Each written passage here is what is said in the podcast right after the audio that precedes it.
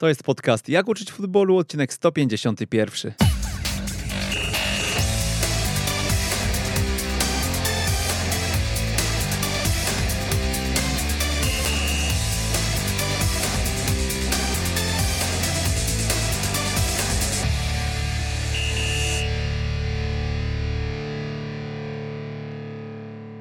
Jak uczyć futbolu 151. Przemysław Mamczak, dzień dobry. Nieczęsto w tym programie poruszamy tę tematykę, o której dzisiaj będziemy sobie dyskutować, no ale ta dziedzina ma niebagatelny wpływ na, na każdego piłkarza, każdego sportowca, każdego trenera, a nawet każdego człowieka, bo porozmawiamy sobie dzisiaj o żywieniu, a porozmawiamy z nim, o, o nim, o, o tym żywieniu.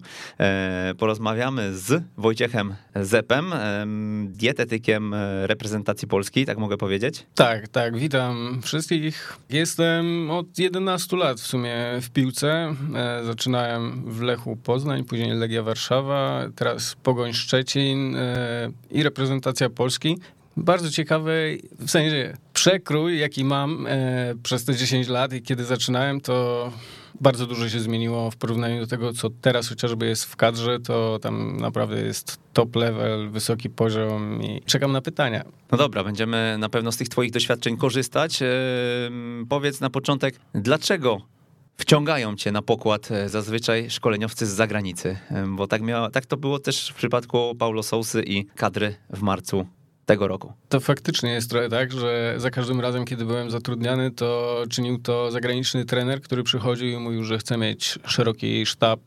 ludzi przy zespole, że to nie tylko trener przygotowania motorycznego, ale też e, inne jednostki, żeby opiekowały się e, zawodnikami może tam ta świadomość y, i dbanie o detale jest y, na nieco wyższym poziomie i faktycznie tak było, że za każdym razem gdzieś tym, tą podstawą organizacyjną w klubach jest y, zagraniczny trener. I, no i tak się złożyło już kilka razy, że dostałem angaż, z czego za każdym razem bardzo się cieszę, bo to w każdym klubie inne emocje, inne doświadczenia, inny poziom jakby też mojego podejścia, bo jak w każdej pracy podejście do różnych tematów tematów się z reguły troszeczkę zmienia po czasie, tak zresztą jak w nauce czy w żywieniu jest tak, że gdzieś to wszystko cały czas ewoluuje. Powiedz, jak wygląda um, twoja praca w ogóle? Zaczniemy sobie, ale podzielimy ją na kadrę um, i na obowiązki w Pogoni Szczecin, bo e, tam współpracujesz i z Akademią, i z pierwszym zespołem. E, jak to się układa? Jakie są twoje obowiązki? Jaki e, sztab osób odpowiedzialnych za żywienie funkcjonuje w obu tych miejscach? Mm, to, to, to, to, dużo do mówienia. Mm, ja wychodzę ale, teraz. No, od, e, w Pogoni jestem w zasadzie od e, lutego. Przy pierwszym zespole, czyli przy całym klubie jestem od e, lipca. I też od tego e, sezonu e, poprosiłem, zasugerowałem, żeby na wyjazdy z drużyną jeździł kucharz, który jest odpowiedzialny za taki standard wyjazdowy, bo na miejscu wiadomo, zawsze jest ten sam hotel i nie ma problemu z przygotowywanymi posiłkami. Natomiast w zależności od e, klubu, do którego jakby jest wyjazd i hotel jest różny i ważne jest to, żeby nie było żadnych przygód Y, związanych z niepotrzebnymi tematami jak żywienie, czyli żeby nie był rozgotowany makaron, żeby kurczak był dobrze wypieczony, żeby był taki sam rosół, a to proszę zauważyć, jest zawsze inaczej, w zależności od tego, gdzie się pojedzie. Więc z jednej strony jest, z mojej strony jest to układanie mm, takiego menu, współpraca z firmą cateringową, która organizuje posiłki po treningowe e, układanie menu wyjazdowego i współpraca z kucharzem, który jeździ na mecze e, z zespołem. Jeśli tylko mogę, to jestem oczywiście też na meczach i później ta praca taka e, z zawodnikami, e, są tacy zawodnicy, którzy potrzebują zawsze trochę więcej i są tacy, którzy potrzebują trochę mniej. Są zawodnicy, którzy nie są przekonani do diety i uważają, że to, co robią, doprowadziło ich do takiego momentu w swojej karierze, że to im wystarcza i nie potrzebują dalszych bodźców tym elemencie, żeby cokolwiek jeszcze zmienić. Ale część ambitnych e, zawodników oczywiście gdzieś tam stara się poszukać, albo są sytuacje, które sprawiają, że zaczynają szukać. Kontuzja, straczka przed meczem, w sensie są różne sytuacje, które gdzieś inaczej. Musi być, trudno jest gadać o, o żywieniu, ponieważ jest to 1500 różnych zagadnień i można o tym gadać przez dwa dni. Ale jeśli mamy problem, e, który ma bardzo proste rozwiązanie, to wtedy znacznie łatwiej zostaje w pamięci i jest łatwiejsze do realizowania niż e, mówienie o wszystkim. E, no dobra, my na pewno sobie przejdziemy przez takie kluczowe, powtarzalne tematy dzisiaj. Ale już, już jedna rzecz, która tutaj, która mnie tutaj zainteresowała, to jest coś, co, o co na pewno chcę zapytać. Powiedziałeś o tej różnorodności. Ja sobie myślę tak, była u nas w Akademii Weszło Junior Patrycja Jeziak kiedyś, był e, doktor Wiśnik w Jak uczyć futbolu 52 odcinki temu, dokładnie rok temu. I każdy, i jesteś dzisiaj ty, i każdy mm, z was, nie wiem, dietetyków, osób zajmujących się żywieniem, ma trochę inną koncepcję. Organizm ludzki jest bardzo złożony. Każdy człowiek odbiera inaczej e, i różne posiłki e, i to, co się dzieje wokół niego, bo mm, tak jak powiedziałeś o tej sraczce przysłowiowej, no to tutaj też pewnie mocno, e, mocno osobowość danej osoby, jakiś tam poziom przygotowania mentalnego, tego jak reaguje na stres ma wpływ, prawda? Czyli tutaj, tutaj no, no tych aspektów jest po prostu tak dużo, że ja rozmawialiśmy sobie przed audycją, im głębiej wchodziłem sobie w to żywienie kiedyś, jeszcze przed laty, tym, tym mniej, mniej wiem. Dokładnie I... tak jest. I to jakby pokazuje, że w ogóle teraz jakby ta dietetyka sportowa idzie w taką stronę, że mamy w ogóle rozróżnienie na suplementację i żywienie treningowe i suplementację, żywienie meczowe, zawody. I no to jest też dosyć ciekawe, tego wcześniej nie było. Są cały czas nowe suplementy, które pokazują, że coś może faktycznie e, się zadziać innego w naszym organizmie i jest sens stosowania tych produktów te powiedzmy podstawy takiej dietetyki sportowej uważam, że względnie powinny być zbliżone, czyli to są te ogólne rekomendacje dotyczące tego, ile jest węglowodanów w tygodniu, ile węglowodanów jest w tej fazie ładowania baterii, e, jaki jest stan nawodnienia, ile jest białka w diecie, ale później dochodzimy do takiego momentu, że e, faktycznie mamy na przykład e, dwóch ludzi, którzy mają 1,85 m, jeden będzie ważył 88 kg, a drugi będzie ważył 75 kg. I to są takie różnice, które później trzeba gdzieś tam wyłapać i dostosować do nich też e, sposób żywienia, bo jakby ten typ budowy ciała troszeczkę przekłada się na, na to odczucie, że czasami trener przychodzi i mówi, ten zawodnik musi schuść. E, e, i, bo jest po prostu za gruby. I oczywiście to jest parafrazując e, klasyka, ale, ale no gdzieś e, to jest zawsze, nie, nie do końca zawsze jest to decyzja trenera ile zawodnik powinien ważyć. Powinien ważyć tyle, ile dobrze się czuje. Wiadomo, zawodnicy są też tacy, że e, to jest fajne w pracy takiej długoterminowej, że się pytam, co tam z wagą, jak tam? On mówi, super, idealna waga. Ja mu wtedy odpowiadam, no ale rok temu, w tym samym okresie, kiedy grałeś wszystkie mecze, było półtora kilograma mniej. To co się stało? No, no faktycznie muszę, a może, może coś zacznę z tym robić, bo to jest trochę tak e, właśnie, e, że gdzieś tam to, co jest teraz, jest najlepsze, ale pokazanie właśnie takiej historii czasami tego, że w którymś elemencie może być ciut lepiej, albo on tak już miał na przykład. To nie jest e, jakaś nie wiadomo jak kosmiczna cyfra, tylko po prostu tak miał. No i co się dzieje? A, no, faktycznie, może coś zaczniemy z tym robić. Nie? I wtedy to jest takie złapanie, że, że pokazanie, że faktycznie ktoś to śledzi, te wszystkie wyniki i wagi, które są z tygodnia na tydzień zbierane. Ta waga chyba też nie jest najistotniejsza tutaj e, przy tych pomiarach. Oczywiście, że nie. Waga nie gra i to już się nauczyłem na samym początku pracy. Są różne typy budowy ciała. Istotna no jest ilość tkanki tłuszczowej w organizmie i powiedzmy tam też jest pewien margines taki, który jest tolerowany. Jaki jest margines dla piłkarzy nożnych? Poziom tkanki tłuszczowej to zależy od metody, którą badamy. Ja na przykład badam najczęściej najprostsze urządzenie, które mogę wziąć ze sobą, czyli fałdomierz. I na podstawie fałdów skórnych można gdzieś e, oszacować, jaki jest procentowy zawartość e, tkanki tłuszczowej. Natomiast e, jest to tylko narzędzie gdzieś tam do mierzenia jakiegoś jakiejś historii i pokazywania, że są pewne zmiany i że było lepiej, albo jest trochę za dużo, albo jest bardzo dobrze. Mhm. Najlepszą metodą jest densytometria. To jest taki złoty standard, który pokazuje w 100% praktycznie w 100%, to jaka jest procentowa zawartość tkanki tłuszczowej w organizmie. I w jakich procentach powinniśmy się zmieścić? Czy nasi podopieczni powinni się... No idealnie, jeśli jest na deksie, na densytometrii jest między 8-12. To powiedzmy, to już są takie... A poniżej?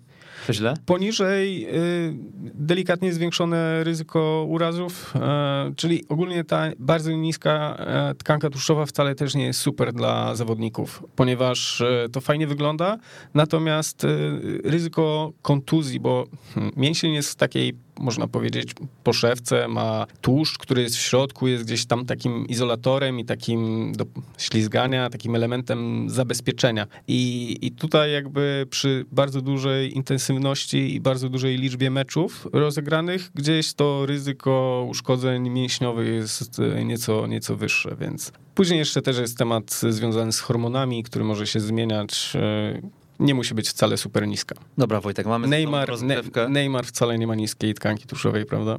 Tak, y, mamy za sobą rozgrzewkę i lecimy teraz z konkretami. Powiedz mi, e, od czego trzeba zacząć? E, pamiętaj, że nasi e, słuchacze to głównie trenerzy piłki nożnej, więc postaramy się im pomóc i może tutaj jakieś proste rady, które będziesz w stanie przemycić, nawet nie wiem, dla czwartoligowców, zawodników w okręgówce. No za chwilę będziemy sobie starali to poukładać, ale powiedz, od czego ty zaczynasz? Przychodzą, przychodzisz do zespołu, mm, no i co? Zaczynamy od pomiaru. Pomiar tkanki tłuszczowej, masy ciała, ustalenie tego, czy to jest dobra waga, czy niedobra waga. No w sensie zawsze w kontakcie z zawodnikiem, jaka jest historyczna była waga. Pokazanie tego, w jaką stronę może iść to jest bardzo fajny jakby przykład i jakby zrozumienie trochę tematu, że jeden kilogram tłuszczu, który jest na przykład nad bagażem, to jest jakieś 8000 kalorii. Żeby przepalić 8000 kalorii, to w teorii trzeba nie jeść przez 3 dni. Więc ogólnie to jest y, dosyć dużo do przepalenia i w ciągu jednego, jednej sesji treningowej tak naprawdę spalam zawodnik 50-60 gramów tłuszczu.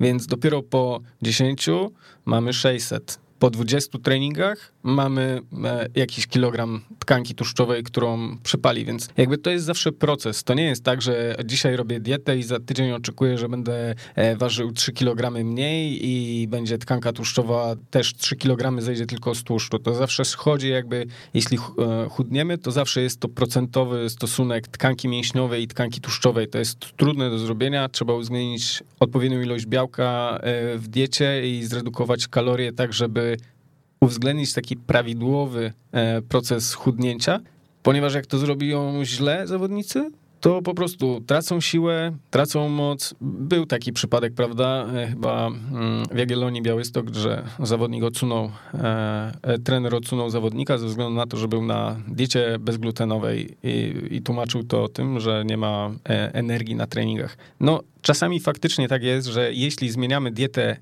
bardzo gwałtownie, to wtedy czegoś nam zaczyna brakować. No i odbija się to na dyspozycji. No trzeba pamiętać o tym, że to jest proces i e, no na pewno coś, co wprowadzamy dopiero najczęściej po 3-4 tygodniach zaczyna być widoczne w wynikach, prawda? Pierwsze to właśnie pomiary, ustalenie podstawowych zasad, które już przynoszą największe efekty, czyli związane... To są zasady. Zasada Pareto e, i lecimy z tymi 20%, które zmienią nasze 80%. Aha. E, nawodnienie, czas posiłków, jakość posiłków i w zasadzie to można już zamknąć w tych trzech punktach, które oczywiście wymagają jakiegoś tam e, rozwinięcia. I czwartym bardzo często uwzględnianym jest suplementacja, czyli takie suplementy, które trudno jest w chwili obecnej na przykład dostarczyć e, z prawidłową nawet dietą, jak witamina D3, która już w tym okresie powinna być suplementowana, bardzo często nawet przez cały rok zawodnicy wymagają suplementacji witaminą D3. Oczywiście w różnych tam ilościach, natomiast tak, nawodnienie prosta rzecz. Sikasz rano, patrzysz pomarańczowe, znaczy przegiąłeś wczoraj, nie? I tutaj jakby... Za mało? Za mało. Wypiłeś. Można nadusić sobie na palec, wszystko jedno który. Jeśli powrót koloru trwa dłużej niż 3-4 sekundy, to znaczy też, że jesteś odwodniony. Bardzo prosta rzecz, która już od razu może pokazać, czy jest odpowiednia ilość wody. Czas posiłków to to, żeby były te posiłki co 3-4 godziny w normalnym dniu treningowym. Jeśli jest to bardzo okres przygotowawczy na przykład, albo ten dzień przedmeczowy, to posiłki powinny być co 2-3 godziny. To jeszcze czekaj, wrócimy do tego nawodnienia. Mhm. Tak, jakie, jakie, jak oceniasz, ile trzeba wypijać e, dziennie wody? indywidualnie 30 ml na kilogram masy ciała. To jest podstawa. Ważysz 80, 2,4. Mhm. Y, prosta kalkulacja, nie trzeba tutaj. Później już tego się uczy i, i wiesz. Bardzo fajnym, zdrowym nawykiem jest picie szklanki wody zaraz po obudzeniu się. Czyli wstajesz, pół butelki wody, jedna szklanka i jest super. Doktor Można... Wiśnik mówił, żeby to była jeszcze też ciepła woda. Powiedzmy w letnie, letnia woda, temperaturze pokojowej, może być delikatnie Cytryną. ciepła. Może być też cytryna. Cytryna jest takim e, fenomenem, że normalnie na zewnątrz jest kwasem e, organicznym, jest, e, a w organizmie, w wątrobie przemienia się i alkalizuje krew, więc mhm. jak najbardziej jest e, fajne rozwiązanie, ale równie dobrze mogą być to świeże soki wyciskane. To też bardzo fajnie hmm, może działać jako to takie pierwsze nawodnienie, bo trzeba sobie zdać sprawę, że po 8 godzinach snu, 10 czy 11 od ostatniego posiłku, gdzieś organizm wymaga takiej rehydratacji. Wentylacja przez 8 godzin powoduje, że musimy e, się nawodnić i też ja dodam jeszcze, bo gdzieś tam nagrywałem na jakiegoś storiesa z miesiąc temu e, o aplikacji Watertime. Mhm. E, mega polecam, bo gdzieś nawet nie zdajemy sobie sprawy, jak duży wpływ ma na nas woda i mówiąc o sportowcach, to już w ogóle nawet nie chcę sobie wyobrażać, jak na organizm taki mocno przeciążony ma wpływ odpowiednie nawodnienie, natomiast nawet po sobie widzę, że to przypomnienie, kiedy przez co najmniej dwie godziny wody nie piję, jest takim dla mnie bodźcem, żeby jednak sięgnąć po e, szklankę z wodą i okazuje się, że mm, później po, przy 3,5 litra dziennie e, tej wody faktycznie mogę, mogę funkcjonować na dużo wyższych obrotach i do dużo późniejszych godzin. E, mhm. Nie wiem, czy to dobrze, czy źle, ale, tak, ale, ale wiesz, odczucie jest naprawdę fajne. Jest tutaj też wiele jakby innych tych kwestii do poruszenia z wodą. Nie chciałem już tutaj się rozrobić na drobne, ale na przykład warto jest poruszyć tutaj kwestię jakości wody, czyli mamy wody tam takie stołowe, które nie mają w ogóle minerałów, średnio zmineralizowane i wysoko zmineralizowane. I takie na, najlepsze na co dzień są te, które mają ten przedział między 500 a 1500 mg na litr rozpuszczonych składników mineralnych i to są bardzo, w zasadzie świetnie dostępne dla organizmu minerały. Fajnie, jeśli tam jest wapń, fajnie, jeśli tam jest e, potas, magnez. E, I tutaj też jedna taka rzecz, że bardzo często widzę u zawodników przed meczem coś takiego, że każdy gada o tym nawodnieniu i on później, e, co widzi butelkę, to ją pije. I później chodzi sikać przed meczem 8 razy, nie? To, bo to ja tam sobie stoję w tej szatni i tak sobie obserwuję, kto co robi i tak właśnie e, czasami mam takie ciekawe spostrzeżenia, e, ale, ale to też pokazuje, chcę tylko powiedzieć o tym, że można się przewodnić. I w sytuacji, kiedy mamy mecz i jest trochę stresu, czyli już zupełnie inaczej działa nasz układ pokarmowy, napięcie mięśni, to e, nasz pęcherz moczowy jest już e, napięty i, i, i, chodzą po prostu cały czas sikać, nie? ale e, to znaczy, że jest za dużo tej wody i jakby jest przerost formy trochę nad treścią, czyli mamy tą określoną ilość wody, którą powinniśmy mieć, ale trzeba pamiętać też o tym, żeby tej wody nie było za dużo, bo to nie jest aż tak super bardzo potrzebne, nie? więc y, jakby zawsze w oparciu o to, jaki jest kolor moczu, można zastosowywać sobie ilość y, wody, którą trzeba wypić. Fajnie, jeśli w diecie nie trzeba pić czystej wody, fajnie, jeśli są na przykład jakieś herbaty ziołowe, może być yerba mate, e, może być zielona herbata. To są fajne też e, napoje, które przyspieszają czy ułatwiają wykorzystywanie tkanki tłuszczowej jako e, źródła energii e, i są oczywiście są znacznie zdrowsze w porównaniu do zwykłej czarnej kawy. To powiedz jeszcze, jak e, wygląda sytuacja z tym nawadnianiem podczas meczu izotonik?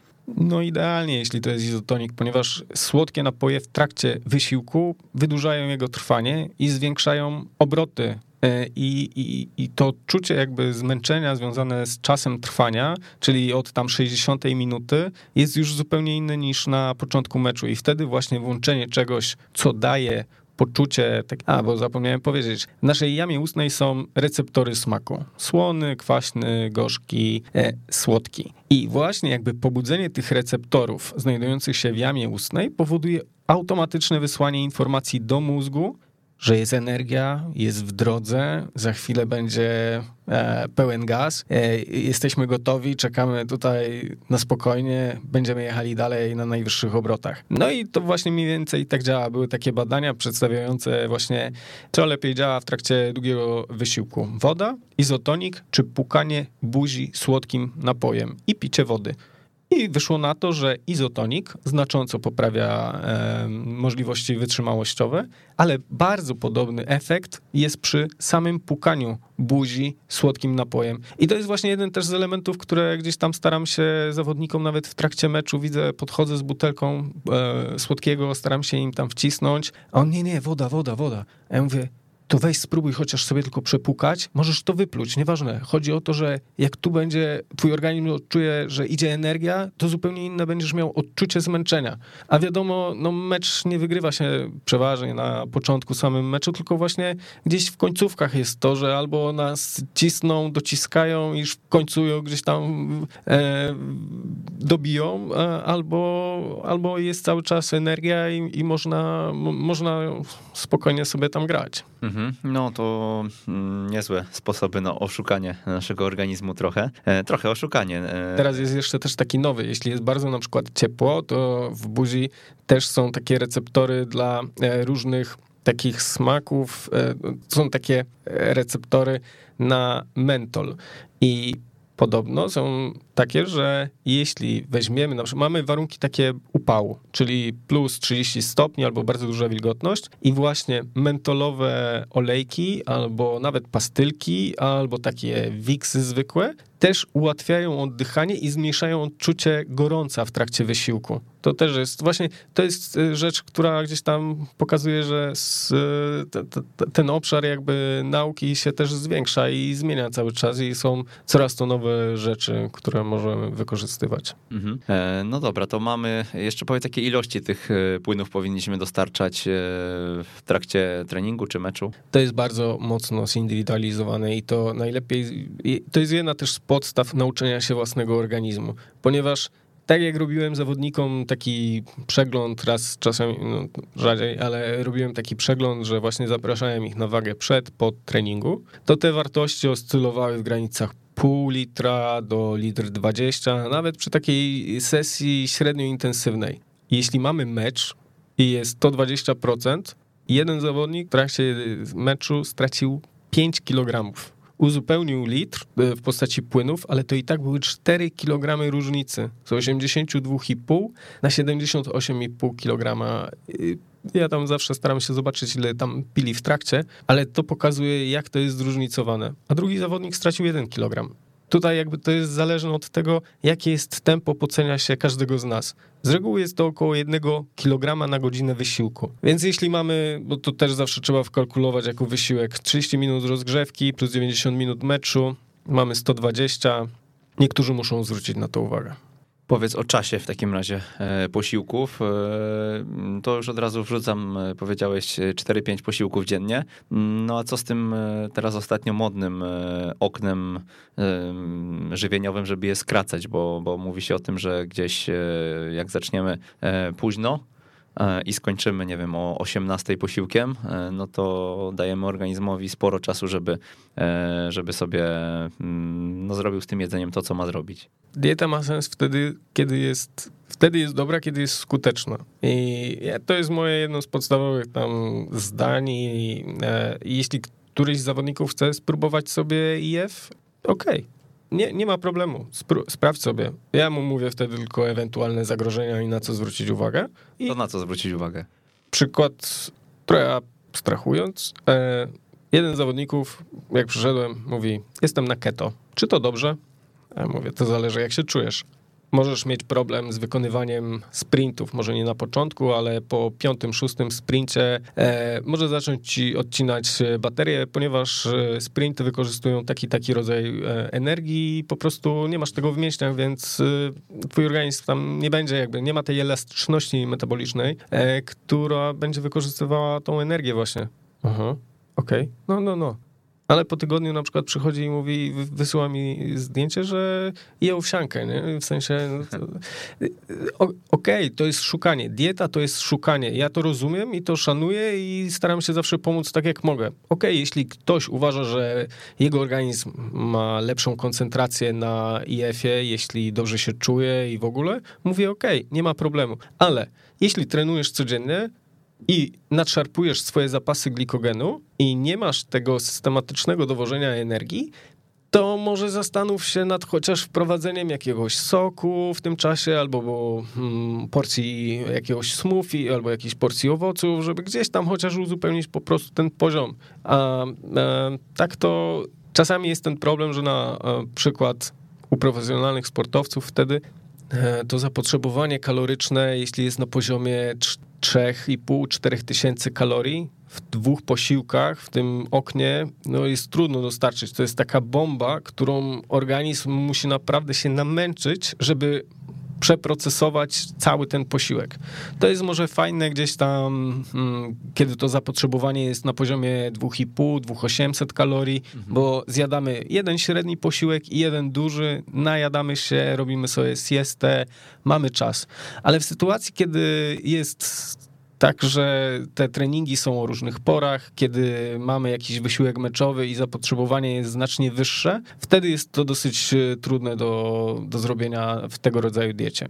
No pamiętaj, że też e, nasi słuchacze w dużej mierze pewnie pracują na poziomie mm, półprofesjonalnym albo amatorskim, gdzie mm, ich zawodnicy e, chodzą też codziennie do pracy i tak dalej i tutaj trochę Zawsze mówię, trzeba na to Zawsze spojrzeć. mówię, że ci zawodnicy właśnie mają z reguły wyższe zapotrzebowanie niż zawodnicy prawdopodobnie, którzy grają w ekstraklasie czy na poziomie pierwszej ligi i jakby mogą się skupić na wykonywaniu jednej pracy, a jeśli ktoś ma pracę gdzieś, e, gdzie cały czas łazi albo ma coś do przerzucenia albo cały czas jest w ruchu, plus jeszcze później idzie na trening, no to serio, to jest na poziomie w zależności od masy ciała 4,5-5, a bardzo często jest jeszcze tam problem związany z tym, że oni nie mają czasu wtedy zjeść. I ja to rozumiem, bo jest od 8 do 16 w pracy, o 17.30 trening, to albo sobie zrobisz e, obiad rano i weźmiesz do pracy, co prawdopodobnie 90% nie robi, i wszystko rekompensujesz sobie na wieczór.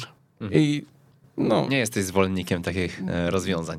No, jeśli ktoś chce dbać o siebie, chce faktycznie, żeby to miało ręce i nogi, e, no to można trochę lepiej zrobić. Czasami można zrobić to właśnie małe zmiany, e, wielki efekt.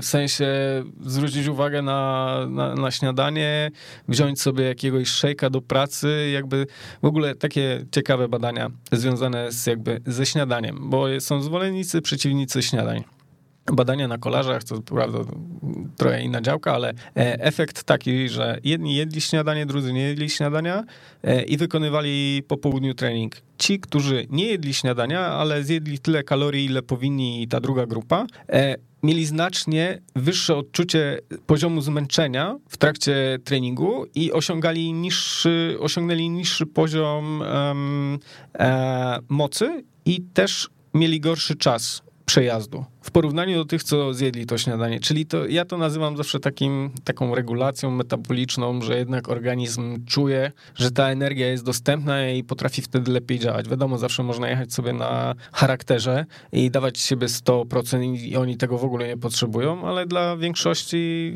gdzieś to jest potrzebne. No to dobra, twoje e, zalecenia takie fundamentalne do tego czasu. Cztery posiłki czy pięć dziennie? Normalny trening, cztery posiłki, e, przedmeczowo 5-6. E, mhm. Jak je podzielić? Co, co się dzieje w e, każdym z tych posiłków? Może omówmy sobie. Okej, okay, mamy cztery posiłki. Może być piąty na przykład potreningowy w postaci jakiejś węglowodanów e, albo szejka białkowego. E, chodzi głównie o to, żeby zabezpieczyć mięśnie. Z węglami sobie jesteśmy w stanie poradzić, bo ta intensywność treningów nie jest aż tak bardzo wysoka jak e, w trakcie meczu. No chyba, że mamy tam wtorek, środę w mikrocyklu, to gdzieś tam powiedzmy można delikatnie zwiększyć ich udział. Ale najważniejsze i nie każdy to z reguły robi, żeby zabezpieczyć mięśnie przed, e, do prawidłowej przebudowy, czyli żeby i na śniadanie, obiad, kolację, i na jedną przekąskę, czyli to albo będzie drugie śniadanie, albo to będzie podwieczorek, albo to będzie jakaś wieczorna porcja jogurtów e, białkowych, albo shake białkowy, albo twaróg na przykład, albo serek wiejski, żeby były przynajmniej te cztery porcje, a po bardzo mocnym treningu nawet pięć porcji białka. I tutaj dochodzimy znowu do e, tego, kto co lubi. Czy będzie to tuńczyk, czy będzie to łosoś, czy będzie to kurczak, czy, czy będą to kalanosy. Nawet. Może drobiowe.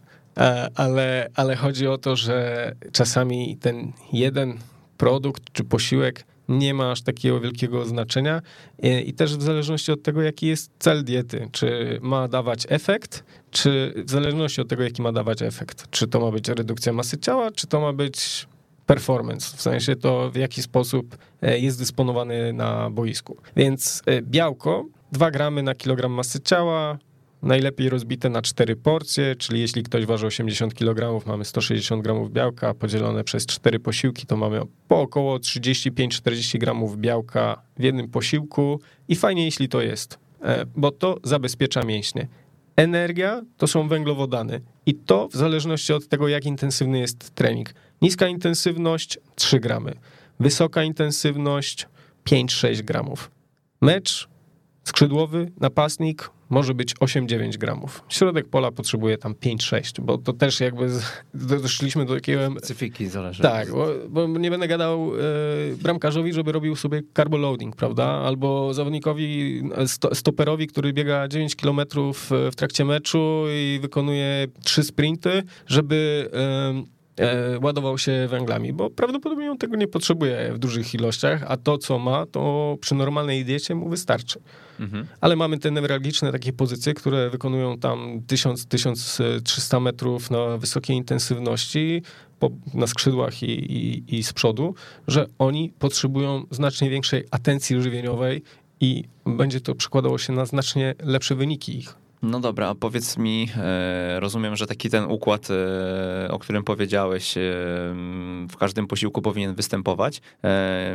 Jak do tego podejść praktycznie? Bo myślę, że większość naszych, naszych słuchaczy myśli sobie teraz, no znowu słyszymy te 2, 3 gramy, 7, 8, dobra, nawet tego nie liczę, ile, ile potrzebuję, bo no, no, na oko nie wiem, ile to jest, nie? No potem, nie wiem, jadę samochodem, biorę jogurt i nie myślę, czy tam jest 12 gram białka, czy 57 gram białka. Okej, okay, okay, rozumiem.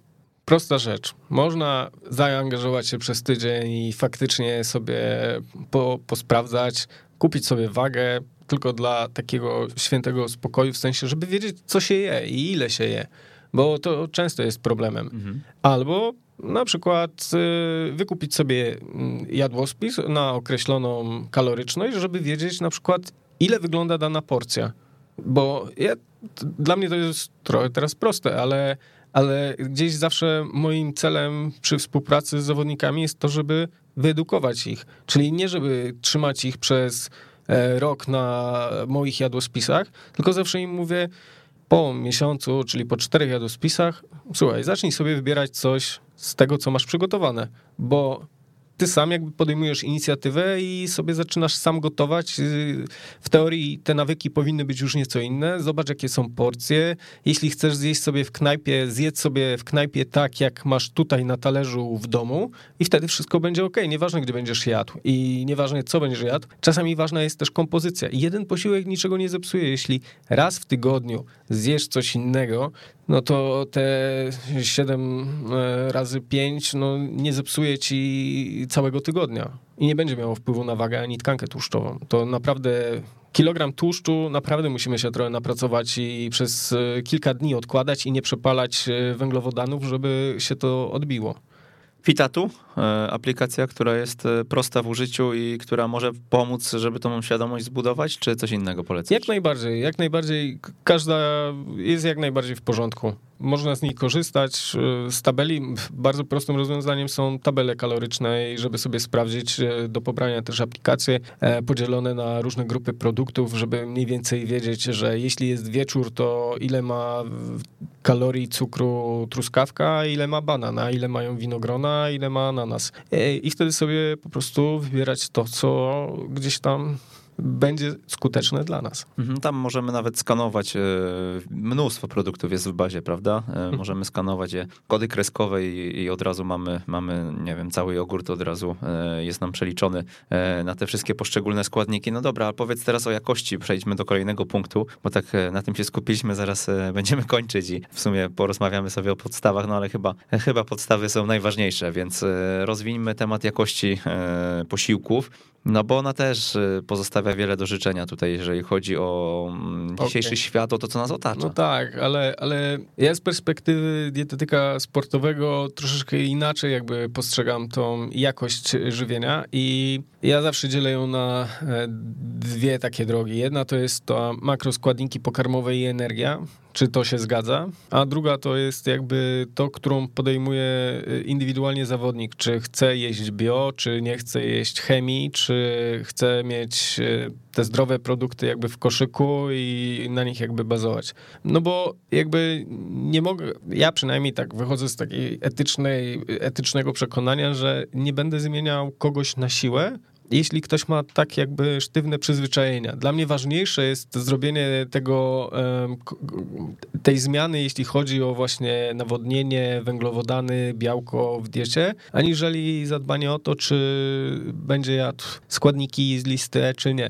Oczywiście one są ważne i warto zawsze wspomnieć, że niektóre z tych składników mogą powodować e, problemy jelitowe, zwiększać ryzyko alergii występujących, że nie są zdrowe i lepiej wybierać te produkty na półkach, które mają maksymalnie krótki czas do spożycia. Czyli jeśli widzę, że jogurt jest ważny na pół roku do przodu, no to nie będzie on jakoś super, e, w sensie jest na pewno tam zakonserwowany niejednym e, dodatkiem, więc są to rzeczy, które warto wspomnieć, ale z mojej perspektywy jakby jest to rzecz dodatkowa. Odwrotnie mają pewnie dietetycy kliniczni, dla których ten aspekt jest ważniejszy.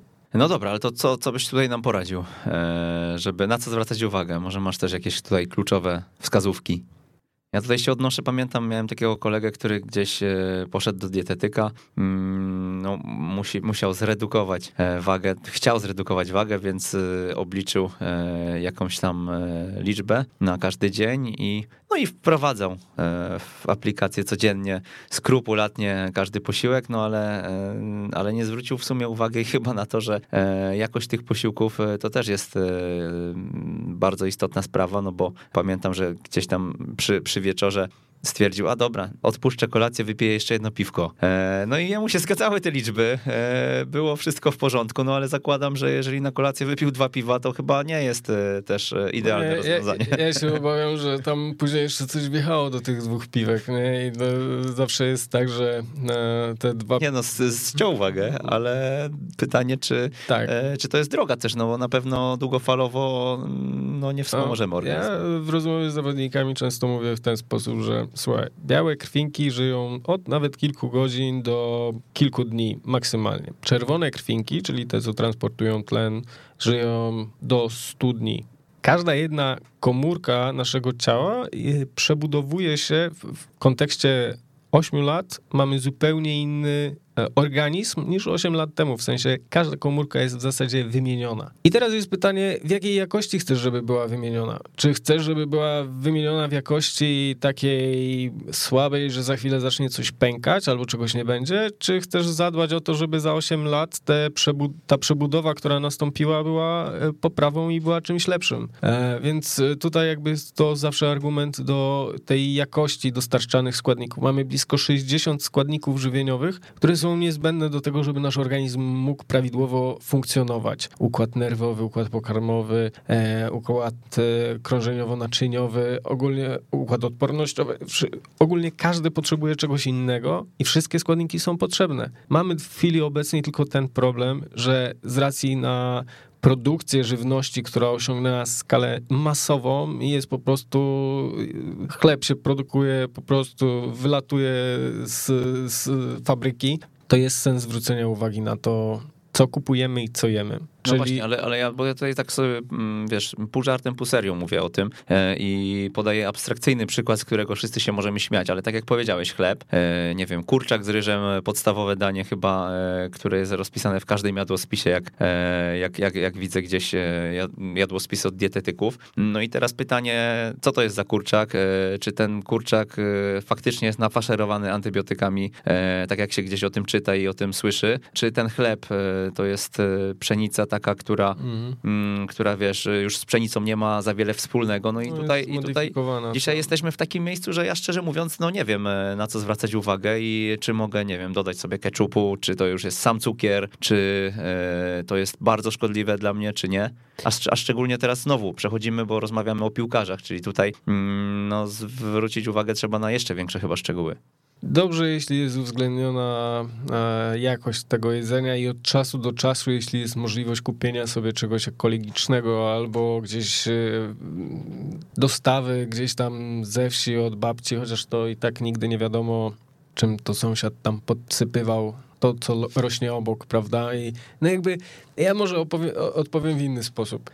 Do momentu, jak poszedłem na studia, byłem bardzo rygorystyczny, jeśli chodzi o wszystko związane z jedzeniem zero fast foodów, zero e, chipsów, coli, słodkich napojów. Nic, nic nie jadłem, byłem bardzo jakby zafiksowany na tym punkcie. Ale w momencie, jak poznałem to od środka, ile czynników ma na to wpływ, jak jest e, jakby produkcja różnych produktów, jakie są konserwanty i co oni z nami jakby robią i, i jaką my mamy opcję, to po prostu zacząłem tak być bardziej wyluzowany na tym punkcie i bardziej tak to, y, że okej, okay, jesteśmy w stanie coś zrobić, ale wszystkiego i tak nie uda się zrobić, więc pytanie, czy y, w sensie mm, chcemy być ortodoksami takimi i, i walczyć z każdym złem tego świata, że to, to jest złe, czy je tak troszeczkę wyluzować i powiedzieć, no okej, okay, no staram się, ale w chwili obecnej wiele więcej zrobić nie można, nie? Nie wiem, co z tym zrobić fantem. No dobra, no to teraz powiedz, y, wchodzi Wojtek Zeb do e, sklepu i na jakie czynniki e, zwraca uwagę, żeby mm, to minimum e, jakości, ten minimalny poziom ustalony w, okay. przez ciebie został spełniony? Dobrze. Byłem swojego czasu na różnych dietach, między innymi na takiej, która tam badała nietolerancję pokarmową i okazało się, że tam i nabiał, i jajka, i pszenica, gluten jest u mnie do odstawienia. Więc wchodzę sobie do sklepu takiego e, przy drodze e, i tak patrzę, hmm, tu nic, tu nic, tu, o, wafle ryżowe mogę kupić, nie? E, I to jest ten, ten, trochę problem, że mimo mamy, bardzo duży wybór, ale faktycznie bardzo duża liczba tych produktów ma jakiś tam wspólny mianownik i jeśli ktoś ma dużo takich utrudnień żywieniowych, to wtedy jakby nie ma takiego szerokiego wyboru. Na co ja zwracam uwagę? Fajnie, jeśli e, jest krótki czas e, do spożycia, czyli mamy względnie świeże. E, z warzywami fajnie, jeśli są z upraw ekologicznych, bo tutaj jakby ma to znaczenie, jeśli chodzi o zawartość składników mineralnych, antyoksydantów, które są w warzywach, w owocach, ponieważ zależy do jakości gleby, na której rosną. A jeśli mamy jakąś tam szklarnię podsypywaną jakimiś różnymi dodatkami, no to wtedy to nie jest w ogóle wartościowe. Nie wiem, czy zauważyłeś, jak smakują teraz pomidory. A to myślę, że więcej e, moglibyśmy wymienić warzyw. Ja zawsze zwracam uwagę na rzodkiewki, e, uwagę, bo no, pamiętam rzodkiewki z dzieciństwa z ogrodu, jak dziadek, dziadek przynosił, to były ostre właśnie i dzisiaj no jesz rzodkiewkę, coś tam chrupie, ale e, mam wrażenie jakby tam było więcej wody niż rzodkiewki. Zgadza się. E, więc najlepiej, najlepiej byłoby mieć marze tak sobie trochę o własnej szklarni, własnym ogródku, ale może za jakiś czas. Jeszcze, jeszcze je teraz, teraz jeszcze... najpierw muszę... badania gleby muszą być przeprowadzone.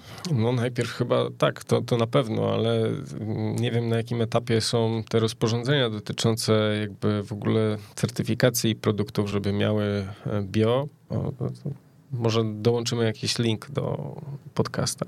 No dobra, dalej lecimy z y, kwestiami. Co, co z mięsem w takim razie? Był taki film, The Game Changer. I nagle przychodzi do mnie jeden z młodych zawodników i mówi, od dzisiaj jestem weganinem. Ja mówię, na pewno? No, to ja mówię, okej. Okay. Ciekawe, ile wytrzymasz. No, szybko padł pomysł, ale jest to jakiś rodzaj komunikacji e, nauki z szeroką grupą odbiorców. Może nie nauki, może takiej quasi nauki trochę, bo nie wszystkie jakby te rzeczy, które są przedstawione są super jakby hmm, wartościowo zrobione, dokładnie zrobione e, i jest trochę jakby naciągane z tej perspektywy, że oni na samym w ogóle początku mówią o plant-based diet, czyli dieta oparta o warzywa, i w której nie ma jakby, nie wyklucza się tam mięsa. Są dopuszczane niewielkie ilości mięsa, a jest przedstawione to jako dokument o weganizmie. No więc jakby Okej, okay, może, może być takie przełożenie. Mamy teraz zmiany klimatyczne, różne historie związane z jakby kosztem produkcji wołowiny, wieprzowiny, kurczaka i ilością białka, które pozyskujemy z nich. No, na pewno będzie się to kształtowało. Jesteśmy chyba w takim momencie też, że ta świadomość konsumencka, e, dbanie o klimat, e, bycie ekologicznym, e, troszeczkę to ludzi dotknęło i trochę ludzie zaczynają o tym myśleć ale też myślę, że jest wiele osób, które czuje efekt, zmniejszając y, ilość y, białka zwierzęcego w swojej diecie, po prostu lepiej się czuje. Nie ma tak dużych... Zwiększając czy zmień... zmniejszając? Mhm. Zmniejszając. No, wiadomo, zastępując to y, innymi źródłami białka. Jakby jest to do zrobienia nie wiem, czy mogę powiedzieć, ale na przykład Grzegorz Krychowiak w ogóle nie je mięsa. Je tylko ryby, jakby gdzieś to, to białko, no zostawił, hmm. rozstał się z mięsem. Ale ze względu na to, że lepiej się czuje. Tutaj nie będę komentował tego e, w odniesieniu do e, jakichś tam e, gier, natomiast powiedz jeszcze w takim razie, co z naszym wejściem do sklepu, e, na co zwracać uwagę, bo tutaj bardziej mi o to chodziło. E, już tutaj abstrahując od tego, czy ktoś chce być wege, czy nie, e, no to na co musi zwracać uwagę? Wchodzi do marketu i tam pewnie no nie ma zbyt dobrego wyboru. To na cenę musi zwracać. ale ale e, dokładnie, żebym zrozumiał pytanie. No, lecimy z tymi mm, małymi wskazówkami, tak? Okay. Co można, okay. Na co można zwrócić uwagę, tak jak powiedziałeś o, e, o jakimś eko w kontekście warzyw, e, o tym, żeby zwracać uwagę na datę ważności produktu, to co jeszcze tutaj możemy przy, tych, przy tej jakości posiłków przyjąć za jak, jakąś normę? Bardzo fajnie, jeśli Węglowodany, które jemy, były te złożone i te, które dostarczają znacznie więcej składników odżywczych niż czysty makaron, zwykły ryż.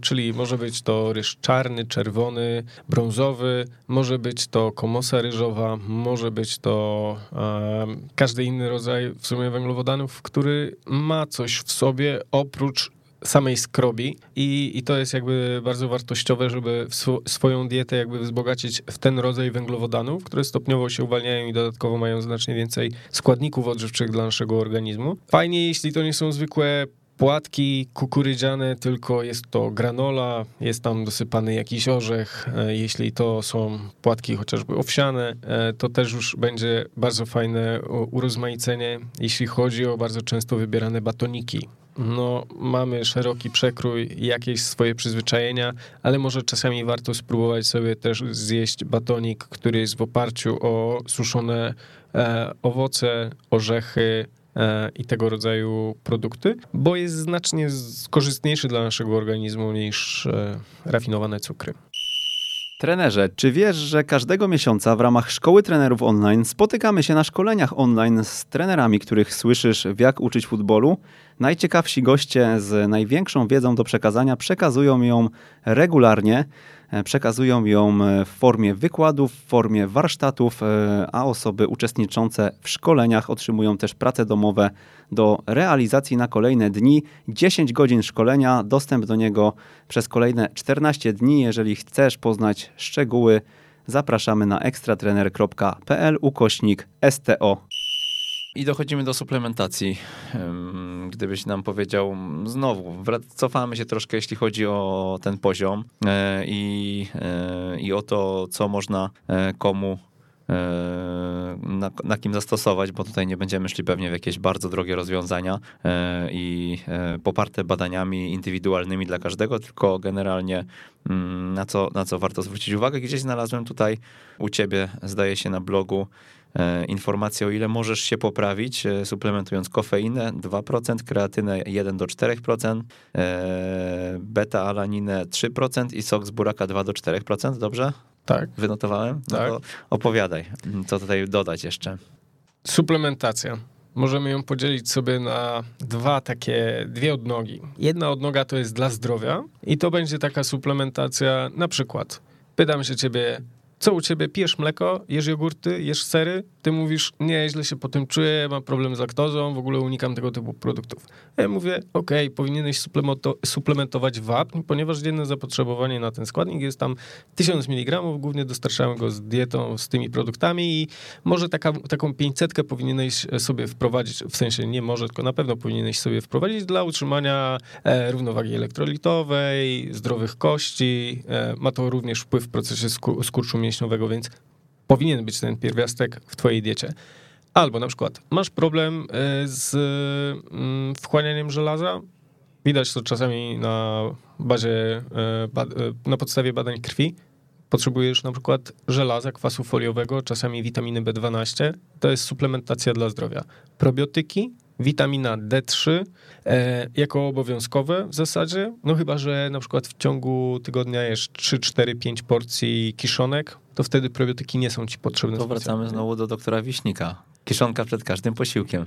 E, na pewno jako naturalny y, probiotyk to, to jak najbardziej jest to w porządku dla pracy jelit, a jelita są bardzo ważne dla odporności organizmu i to jak one działają, czy są zasyfione, czy nie, ma wpływ na to też jak się czujemy. E, I no jak, jak najbardziej fajnie jest, jeśli takie, tego rodzaju produkty są w naszym jadłospisie. Mogą być to ogórki kiszone, może być to kimchi, może być to kapusta kiszona, e, może być to mleko acidofilne, może być to kefir, może być to maślanka i, i tu nie ma jakby z tym problemu. Ważne, że, że te probiotyki są dostarczane, ale można zrobić to też w postaci suplementu.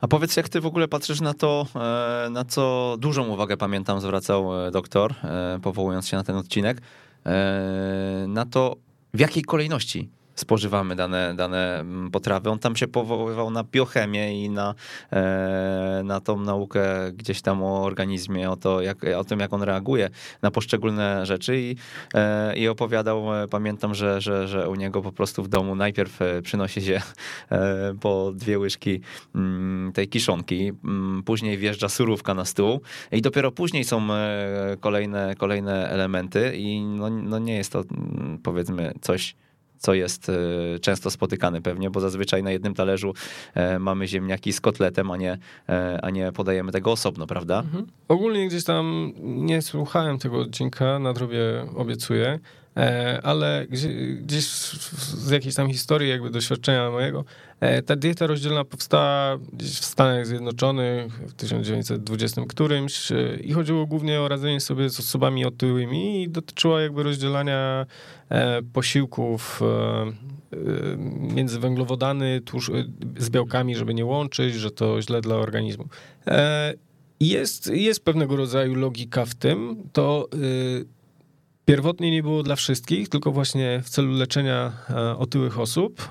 Później gdzieś to przerodziło się w pewnego rodzaju taki trend, ale to jest całkiem jakby zrozumiałe i logiczne, jeśli znamy podstawy fizjologii, czyli mamy przewód pokarmowy od A do Z. A wpada, Z wypada e, i na każdym etapie jakby mamy te powiedzmy trzy główne składniki, które dają nam energię, główne, zaznaczam, żeby to nikt się nie doczepiał, węglowodany, białko i tłuszcze i białko i jako jedyne jest trawione w żołądku, czyli gdzieś po przełyku trafia sobie tutaj i potrzebuje dużo czasu, potrzebuje e, niskiego pH, czyli kwaśnego pH do tego, żeby prawidłowo prowadzić proces trawienia. Natomiast węglowodany zaczynają się trawić w jamie ustnej, natomiast dokańczanie tego trawienia jest e, w jelitach. Tłuszcze tak samo e, w sensie bez jamy ustnej, tylko w jelitach. I teraz w sytuacji takiej, że łączymy wszystko razem, to możemy gdzieś tam zapchać jakby tą drogę i tą, ten przepływ e, i proces, proces e, trawienia, czyli taką prawidłową kolejność i szybkość tego trawienia. Największy błąd jedzenie słodyczy, owoców po dużym posiłku. Czyli tak, zjadamy sobie na przykład kotlecika i, i on potrzebuje jakichś 4-5 godzin do tego, żeby w pełni się strawić i zniknąć z żołądka na co wrzucamy sobie dwie garści e, winogron, które zawierają proste cukry i nagle nie wiemy, dlaczego wyglądamy jak bańka, nie? Że ponieważ jakby w niskim pH węglowodany, które są w winogronach, zaczną fermentować. I nie dość, że mamy zły proces trawienia węglowodanów winogron, to jeszcze mamy nadmiar produkcji gazów, które gdzieś tam wypełniają jelita. Ale ja zawsze daję taki przykład. Proszę jechać do Włoch, usiąść sobie w knajpie i zamówić, poprosić o kartę i zamów sobie jedzenie. No to oni tam nie przynoszą ci głównego dania razem z e, makaronem czy, czy ryżem, czy z risotto, tylko po prostu wszystko serwują po kolei. Zaczynają od przystaweczki, następnie wjeżdża pasta albo risotto, a na samym końcu wjeżdża mięso lub ryba z dodatkiem gotowanych warzyw, bo to jest właśnie prawidłowy przebieg tego procesu naszego trawienia. Więc jest jakiś sens y, jakby w kolejności jedzenia, w zależności od tego, czy mamy też jakiś problem, czy, czy, czy mamy nadmiar gazów y, w organizmie. Więc jak najbardziej można stosować coś takiego z uwzględnieniem, że białko jest na samym końcu. Wojtek, powiedz, jakie są najprostsze elementy do poprawy, do których e, zainspirować może trener? zawodnika. I tutaj możemy też to rozdzielić na zawodnika w piłce dziecięcej, jeżeli e, mhm. będą jakieś różnice. O, zapomniałem w ogóle y, powiedzieć fajnej, wydaje mi się fajnej rzeczy i takiej dosyć y, istotnej z mojej perspektywy i Ostatnio w Polsce jest bardzo popularny temat y, wieku biologicznego. I, ja mam też jakieś tam swoje przemyślenia, bo często trafiają właśnie te. Jak pracując w akademii, robię sobie taki. E, przegląd e, zawodników i zawsze staram się w pierwszej kolejności nie tych grubszych wyłapywać, tylko właśnie tych, którzy są mniejsi i zastanowić się, dlaczego tak jest. E, wiadomo, że tutaj jakby jest polemika z mm, lekarzami i, i, trudna jest to jakby droga taka do, do pogadania, natomiast y, ja staram się w ten sposób pracować, że staram się rozmawiać w pierwszej kolejności z tymi chłopakami, ponieważ prawdopodobnie to, że nie dojadają, mają złe nawyki żywieniowe, gdzieś organizm ich e, sprawia, że może nie wchłaniają, nie trawią. Z czegoś to wynika, że są nieco relatywnie opóźnieni e, biologicznie w swoim rozwoju. I zawsze staram się tam troszeczkę podkręcić, żeby organizm dostał taki bodziec e, energetyczny, kaloryczny, białkowy, żeby odczuł, że już może jakby się rozwijać, bo, bo to jest takie zawsze pewnie z pogranicza genetyki, hormonów, ale też jedzenia. A jedzenie jest bardzo często powiązane z zaburzeniami żywienia, czyli wybiórczością pokarmową. Czasami wchodzi w grę na przykład brak kontaktu z rodzicami, że te chłopaki są gdzieś e, daleko od domu. E, wiele jest tych czynników, ale to jest fajny jakby element, żeby nie zrzucać wszystkiego na geny, jak to jest prosto, proste do zrobienia, tylko właśnie zwracać uwagę nie na tych, co mają za dużo, to później, powiedzmy tam od 15-16 roku życia, ale w tych młodszych kategoriach fajnie jest zwracać uwagę i, i, troszeczkę e, nakierowywać na to, że, e, żeby był prawidłowy rozwój.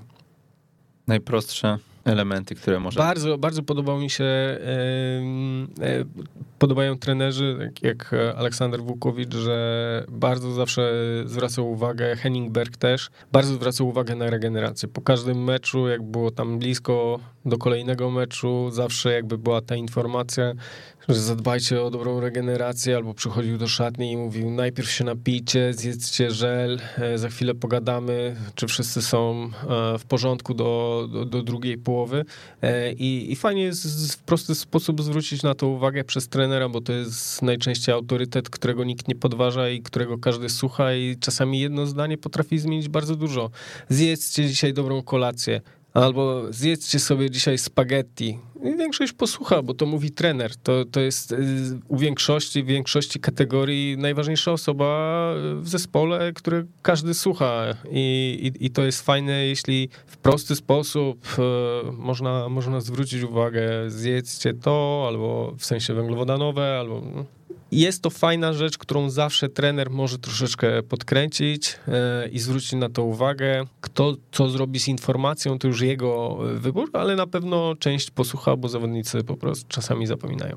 Mhm. To jakie jeszcze e, porady e, może usłyszeć poza takimi, no, no, no tym zwróceniem na to uwagę, że to jest ważne, tak? zawodnik? Mhm Na meczu czy na treningu? Dowolnie, w całym procesie e, szkoleniowym. Prowadzimy zawodnika, no widzimy się z nim kilka razy w tygodniu na treningach i e, co mu możemy podpowiedzieć? Trener jest zawsze też takim sitem trochę jakby dyspozycji zawodnika i widzi, czy ktoś jest e, na mm, bieżąco, w sensie jest dobrze przygotowany, czy nie. I wtedy fajnie jest po prostu dać mu informację, że słuchaj, widzę, że ostatnio coś zjazd formy, zawodnik zawsze mówi, nie, nie, trenerze, jestem na 100% gotowy, e, ale może zadbaj o siebie, nie wiem, zjedz lepiej coś, e, albo pogadaj z profesjonalistą, e, zadbaj o siebie, że może potrzebujesz trochę innego podejścia niż cała reszta zawodników, bo jednak nie każdy będzie odpowiadał w ten sam sposób na te środki treningowe, które, którymi operuje trener. I jeden może czuć większe zmęczenie, a drugi zupełnie coś innego. Więc tutaj jest dobrze, żeby nie skupiać całej um, wiedzy w sobie, tylko dawać proste komunikaty, a najlepiej, żeby po prostu odesłać do odpowiedniej osoby, bo e, trener nie powinien zajmować się wszystkim, tylko swoją działką i w większych klubach są ludzie od odpowiednich obszarów e, odpowiedzialnych, do których zawodnik może się zwrócić. Mhm, no to jeszcze mm, nie wiem, czy jesteś w stanie to podrzucić, ale e, najprostsze posiłki, które e, dla piłkarza będą odpowiednie, e, dla większości piłkarzy będą odpowiednie i które możemy też no, niskim nakładem sił i czasu utworzyć. Zależy od tego, kto co lubi, ale na przykład kurczak w sosie słodko-kwaśnym, okej, okay, mała ilość tłuszczu, dużo węglowodanów, białko jest. Jeśli nawet jest trening, powiedzmy, o średniej intensywności, domowy burger, nie ma z tym najmniejszego problemu. Nie musi być mięso wołowe, jeśli ktoś ma problem z jakąś tam ciężkością po, po wołowinie. E, może być to burger e, z indyka i to jest naprawdę wtedy mało kalorii, smaczne i nie stwarza problemów i może wejść. Dieta powinna być kompatybilna z tym, co lubimy. E, nie każdy lubi to samo, więc e, czasami Mm, jest, są proste rozwiązania, o których nie myślimy albo nie mamy na nie czasu, a może warto je wprowadzić. Tortille, e, burrito, e, to są takie rzeczy, które zawodnicy lubią, i ja uważam je też w odpowiednich ilościach, że są ok w diecie, jeśli... Ja myślę, że sporo warzyw możemy e, Tak, można tak. dodać kukurydzę, fasola, można do tego dodać sałatkę obok i, i, i, wszystko jakby się zgadza, jeśli chodzi o kalorie, makroskładniki pokarmowe, gęstość odżywczą posiłków, więc to nie musi być nic w, nie wiadomo jak wymyślonego, albo mającego nie wiadomo jak e, rozbudowaną taką podstawę naukową, bo i tak będzie działało. Podsumowując e, Twoją wizję, odpowiednie proporcje makroskładników to jest chyba klucz. Tak.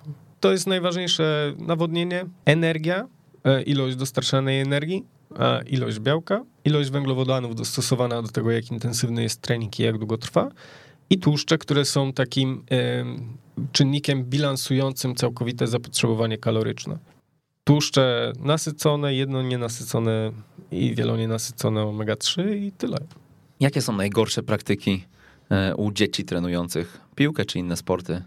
No, my, myślę, że słodycze, ale to wynika gdzieś e, trochę jakby z w ogóle naszego jakby um, odczuwania pewnych smaków. Na przykład smak słodki i słony kojarzone są pozytywnie i zaczy, zaczynamy je zaraz jeść i są naszymi ulubionymi przysmakami. Na przykład w dzieciństwie smak gorzki szpinak robi ble. W sensie nie lubimy tego, ponieważ smak kwaśny, gorzki był kojarzony prehistorii, powiedzmy, z czymś, co jest złe dla nas. Może być trujące, może nas zabić. Dlatego w dzieciństwie dzieci nie lubią takich, e, takiego smaku. I dopiero po kilkukrotnym kontakcie, 8-10 razy musi być taki kontakt, żeby dziecko polubiło się nowy smak. E, więc Rodzice, zresztą też jestem rodzicem, idą bardzo często trochę na łatwiznę, że jednak nie mając czasu albo inne obowiązki, to gdzieś za, zapominamy i nie próbujemy, a może to też jest trochę błąd, żeby jednak e, starać się forsować po, po kolei, wprowadzać nowe, nowe. My się bardzo cieszymy, że nasz młody gdzieś tam próbuje coś innego, bo jeszcze ma taką wybiórczość pokarmową bardzo mocną, ale no, co zrobić. E, ale, ale tak, słodycze i to dążenie do zaspokojenia potrzeb dziecka przez dawanie mu tego, co ono chce, a nie wymyślanie swoich rozwiązań, które są znacznie lepsze od tego, co zna. Bo tak samo jest trochę z zawodnikami, ale dzieci to bardzo podobny temat, że lubią to, co znają. Nie lubią testować nowych rzeczy, tylko najlepiej jakby biorą to, co, co, co już dobrze jest dla nich poznane. Wojtek, przygotowałeś dla naszych słuchaczy prezent, e, który będzie takim suplementem pewnie do mm, naszej rozmowy. Co to będzie? Tak, jakiś czas temu wydałem książkę Futbol, żywienie i suplementacja piłkarzy razem z Filipem Borysem, który jest e, teraz dietetykiem w Legii Warszawa. Przejął jakby moje obowiązki w klubie. E, I e, jeden z Jeden z rozdziałów przygotuję w postaci PDF-a, żeby każdy mógł się z nim zapoznać i zobaczyć, z praktycznego punktu widzenia, jak to wygląda? Wybierzemy najpra najpraktyczniejszy e, dla piłkarzy i dla trenerów piłki nożnej rozdział. E, no i ten rozdział będziecie mogli otrzymać e, w naszym newsletterze ekstratrener.pl ukośnik newsletter. Tam szczegóły, jeżeli jesteście zapisani, otrzymacie link do pobrania bezpośrednio, e, oczywiście mailem jak zwykle, e, więc zachęcam, żeby sobie to uzupełnić i powiedz e, jeszcze, gdybyś miał podpowiedzieć też naszym słuchaczom, skąd czerpać wiedzę, bo dzisiaj ja myślę, że no, nie wiem, czy jest druga taka dziedzina jak e, żywienie, e, która jest tak zróżnicowana. W internecie dzisiaj trafiamy na informacje wzajemnie sobie zaprzeczające. I teraz komu wierzyć? Mhm. Dlaczego e, właśnie tej stronie? Jak do tego podchodzić? Kim ty się inspirujesz? Gdzie szukasz informacji na ten temat? No tak, ale to wynika też z tego względu, że Mamy taką bazę artykułów medycznych, takich, które powinny gruntować naszą wiedzę. Wiedza później jest jakby przekuwana w podręczniki, natomiast jakby gdzieś to wykuwanie jest na poziomie tworzenia artykułów takich o, bardzo profesjonalnych i jakby największy problem jest w tym, że możemy znaleźć y, dwa artykuły o tej samej tematyce, ale z różnymi wynikami. I wtedy mamy właśnie te y, różne konteksty i, różne punkty widzenia i później zaczynamy szukać, czy jaka jest grupa badawcza i, jakby jest wiele czynników, które ma wpływ na to, z czego, z, jakiego rodzaju wiedzy korzystamy. Możemy jeszcze iść do innych specjalistów e, i zawierzyć innym badaniom, i, e, i to też jest ok, bo to jest szukanie. Ca, cały czas to jest szukanie. Dieta jest wtedy dobra, kiedy jest skuteczna, kiedy jest zadowalająca, jest e, utrzymany poziom beztłuszczowej masy ciała, jest dobre zdrowie, wszystko działa na 100% i jesteśmy pewni, że, że będzie działało. I masz rację, jest wiele, wiele takich sprzecznych rzeczy ale to też zależy zawsze od kontekstu. Ten kontekst, jakby takie pytanie, czy mogę jeść czekoladę? Możesz. Bo to zależy nie czy ty zjesz czekoladę, tylko co jeszcze zjesz w ciągu całego dnia, ile kalorii dostarczysz, ile tam będzie węglowodanów i tłuszczu w pozostałych posiłkach. To jest jakby wyrywane z kontekstu, wyrywany z diety produkt. To może być taki, taka, taka rzecz, e, czekolada 60-80% kakao jest super. Jest czynnikiem, jest, zawiera w sobie adaptogeny, które poprawiają wręcz e, zdolności adaptacji do wysiłku fizycznego, więc nie rozumiem dlaczego nie.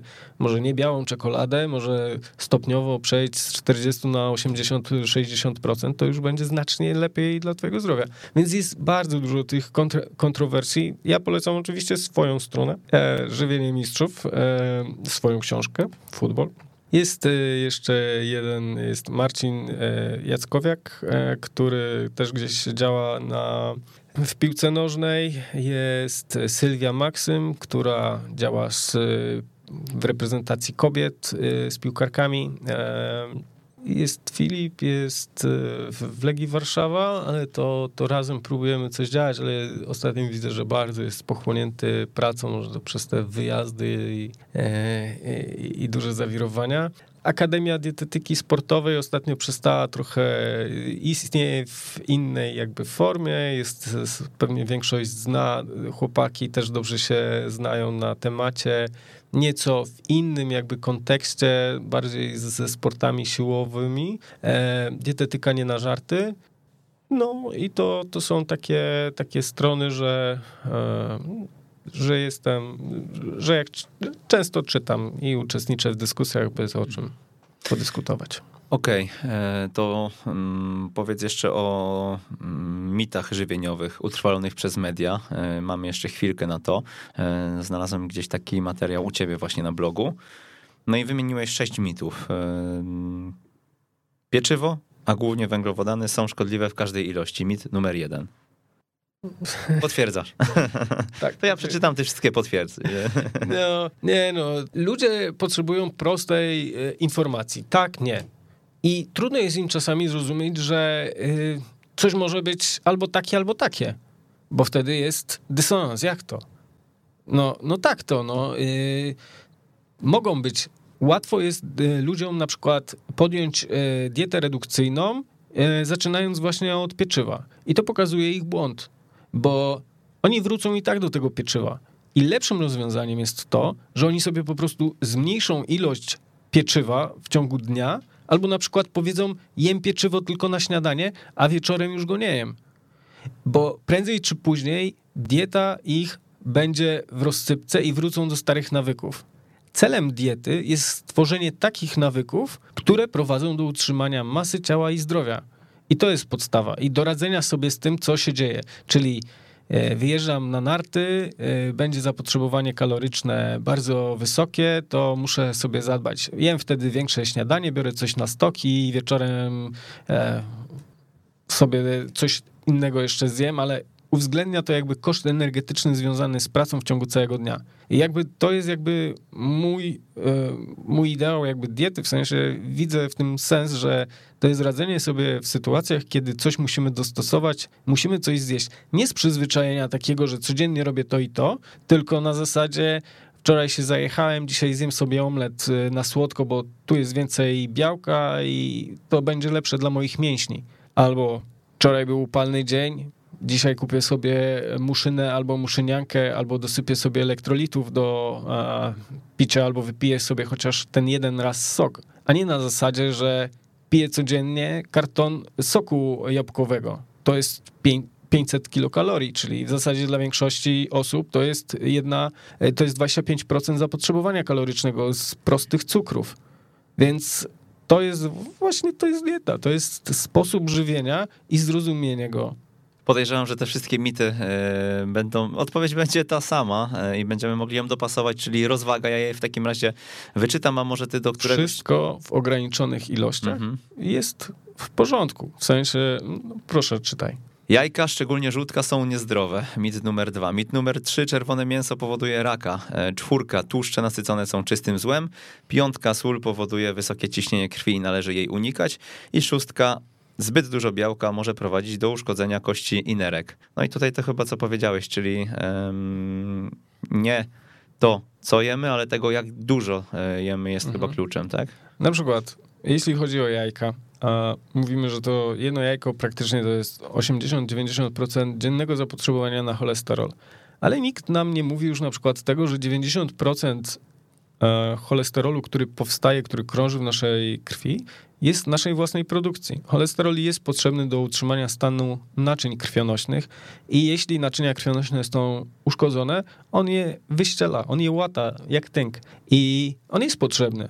I jajka tutaj wiele nie zmienią. Nawet jeśli zjesz y, pięć jajek, y, to nie podbije jakoś znacząco twojego poziomu cholesterolu. Poziom cholesterolu może być y, wysoki ze względu na kilka innych rzeczy. Na przykład zły stan wątroby też może mieć wpływ na wysoki poziom cholesterolu.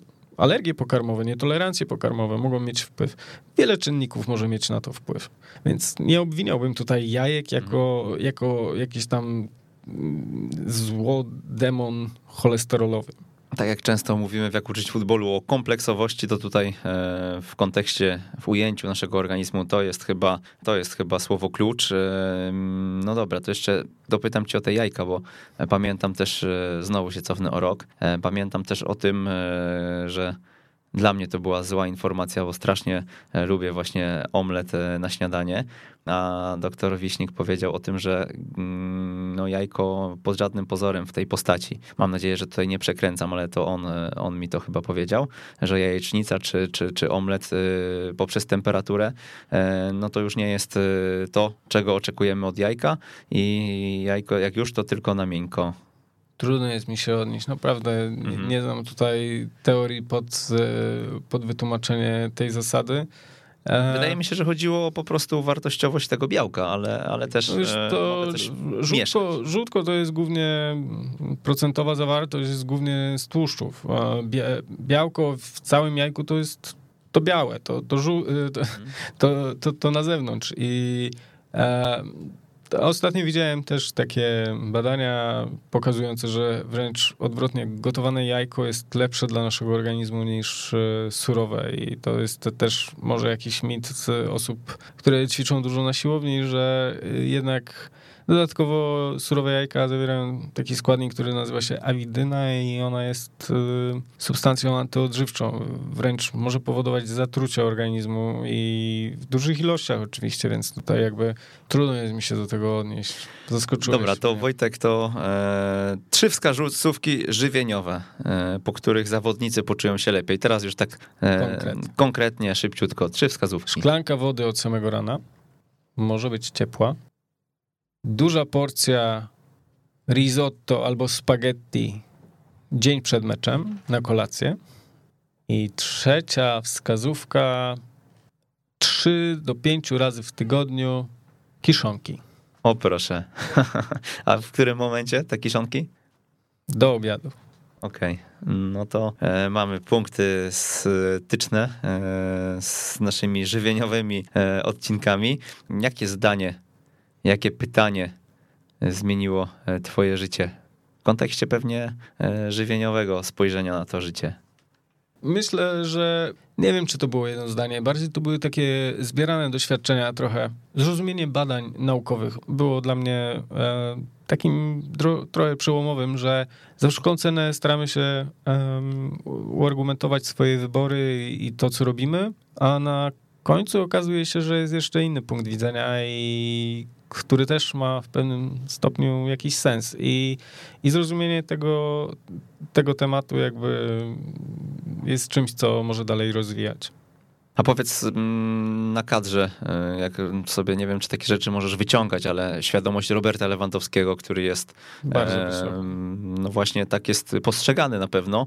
To jest mm, człowiek, od którego ty się możesz uczyć, czy jednak e, bez przesady? Ja mogę obserwować. W sensie mm, Rozmawiam, rozmawiałem, nie za dużo, ale rozmawiałem z Robertem y, na temat tego, jak, jak funkcjonuje. I poza tym widzę, będąc na posiłkach, że ten standard, jakby świadomość tego, jak działa, jak działają różne produkty na jego organizm, jest bardzo duża i widać tam naprawdę taki mm, standard, jeśli chodzi o to, co jest. To jest bardzo fajna rzecz, jeśli chodzi, jeśli działa, to nie zmieniasz. I, I fajnie jest mieć taki standard, że wiesz, jak dany produkt, dane danie będzie na ciebie działało. Mm, no dobra, to jakie ty masz cele, jakie ty masz e, plany w kontekście, nie wiem, najbliższej przyszłości? Czy, czy miejsce, w którym jesteś, to już jest taki sufit dla dietetyka sportowego? Jesteś w reprezentacji, tak? No i może też jeszcze opowiedz, jak zdążymy chwilkę o tym, jaki to jest rynek, jak e, tutaj dostać pracę. Mm, może od końca. Rynek jest, y, myślę, rozwojowy, jak najbardziej. Natomiast ja jak zaczynałem, to nie wiem, była jedna albo dwie osoby pracujące na tym stanowisku w ogóle w Polsce pewnie. Mhm. E, więc y, na początku na pewno jest to bardziej trochę takie e, półwolontaryjne zajęcie.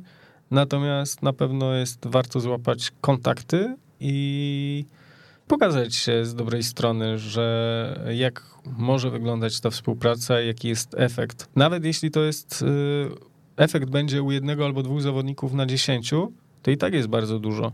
Jeśli y, włączenie dietetyka do sztabu, czy może być to na zasadzie jednego, dwóch dni w tygodniu, albo nawet po prostu osoby, która jest do odpowiedzialności za, za kogoś i nie ma tematu, że zawodnik nie miał do kogo się odezwać, dlatego przytył 8 kg, no to jest sens, żeby taka osoba funkcjonowała. Warunki są jakby tutaj już dogrywane indywidualnie. Może być odpowiedzialny za plan suplementacji, może być odpowiedzialny za e, opiekę dietetyczną, ustalanie planów żywieniowych, e, wysyłanie menu do hoteli. Jest jakby trochę tej pracy jest e, takiej bardziej organizacyjnej i później też wyobraź sobie, no 20 zawodników i każdy chce plan indywidualny na tydzień. Więc jesteś na pół etatu, no to jest trudne do zrobienia, chyba że po prostu idziesz na łatwiznę i każdemu wysyłasz to samo. No to, to okej, okay, nie? Ale, ale tutaj jest bardziej budowanie takiej świadomości, edukacja zawodników, co może być ważne, kiedy jest ważne i to, na co zwracam często uwagę, że sezon e, w Polsce jest e, bardzo długi i też w porównaniu do kilku lat wcześniej przerwa między e, rundami jest e, znacznie się skróciła z 160 do 90 kilku dni e, w perspektywie ostatnich kilku lat, więc ta dyspozycyjność zawodników, dyspozycja fizyczna i mentalna będzie po prostu jak sinusoida sobie krążyła i nie jest się w stanie utrzymać perfekcyjną, stuprocentową dyspozycję przez kilka miesięcy to jest naprawdę trudne. I wtedy właśnie w tym momencie, kiedy jest zjazd, można zwrócić uwagę na rzeczy, na suplementację, na żywienie, które gdzieś mogą troszeczkę przyspieszyć ten powrót do e, pełni formy. Mm, dlatego jakby rozmowa i e, to, żeby zawodnik pamiętał, że jeśli tak czuje, że coś tam się z nim dzieje, ma gorszy nastrój, to, to można zawsze coś z tym zrobić, bo to jest normalne, że taki moment w ciągu roku, w ciągu sezonu przychodzi. Twoje cele, twoje plany? Chcę, chcę pracować e, w Pogoni, rozwijać tam, buduje się świetny, piękny stadionik, e, więc e, mam nadzieję, że tak jak wcześniej udało mi się coś zbudować we wcześniejszych klubach, tam również osiągnie to mm, bardzo fajny poziom. Z jakim zdaniem chciałbyś zostawić naszych słuchaczy? Boże, wiedziałem, nie lubię takich pytań kompletnie, nie jestem dobry z takiego treningu, takiego mentala, to dla mnie jest, mam z tym chyba problem. Powiedz, jesteś tym, co jesz i, i masz luz. tak, podpiszę się pod tym. Pamiętaj, nie, no musisz wymyślić coś swojego, nie. No nie mogę, to nie jest moje zdanie na koniec. To już kończymy, tak? Już dostaliśmy znak, że kończymy. Tak jest. Dziękujemy bardzo. No to, to jeśli na siłę mamy wyciągać, to nie, ale możemy dopisać ewentualnie do opisu tego odcinka, jak ci przyjdzie coś do głowy. Dobrze. Wojciech Zep, dietetyk reprezentacji Polski, Pogoni Szczecin, w przeszłości również w Legii Warszawa, Lechu Poznań. Także... Zrobiłem obieży światem zaraz. Trochę jesteś. Obieży Polska trochę jesteś. Dziękujemy za wizytę. Dziękuję również. I ja również dziękuję. To był 151 odcinek Jak uczyć futbolu i myślę, że ten odcinek był trochę inny niż zwykle, ale tak jak podkreśliłem na jego wstępie, odżywianie, odpowiednie żywienie w bardzo mm, pozytywny sposób albo w negatywny może mm, przekształcić się w to, co dzieje się na boisku później? E, dla mnie jest to temat e, na tyle złożony, że chyba e, nie do końca mieści się w mojej głowie, ale mm, po tej rozmowie pewnie mm, jestem bliżej dobrej diety niż tej złej. Jeszcze raz Wojtek, dzięki bardzo. Dzięki. Przemysław Mamczak i do zobaczenia, do usłyszenia.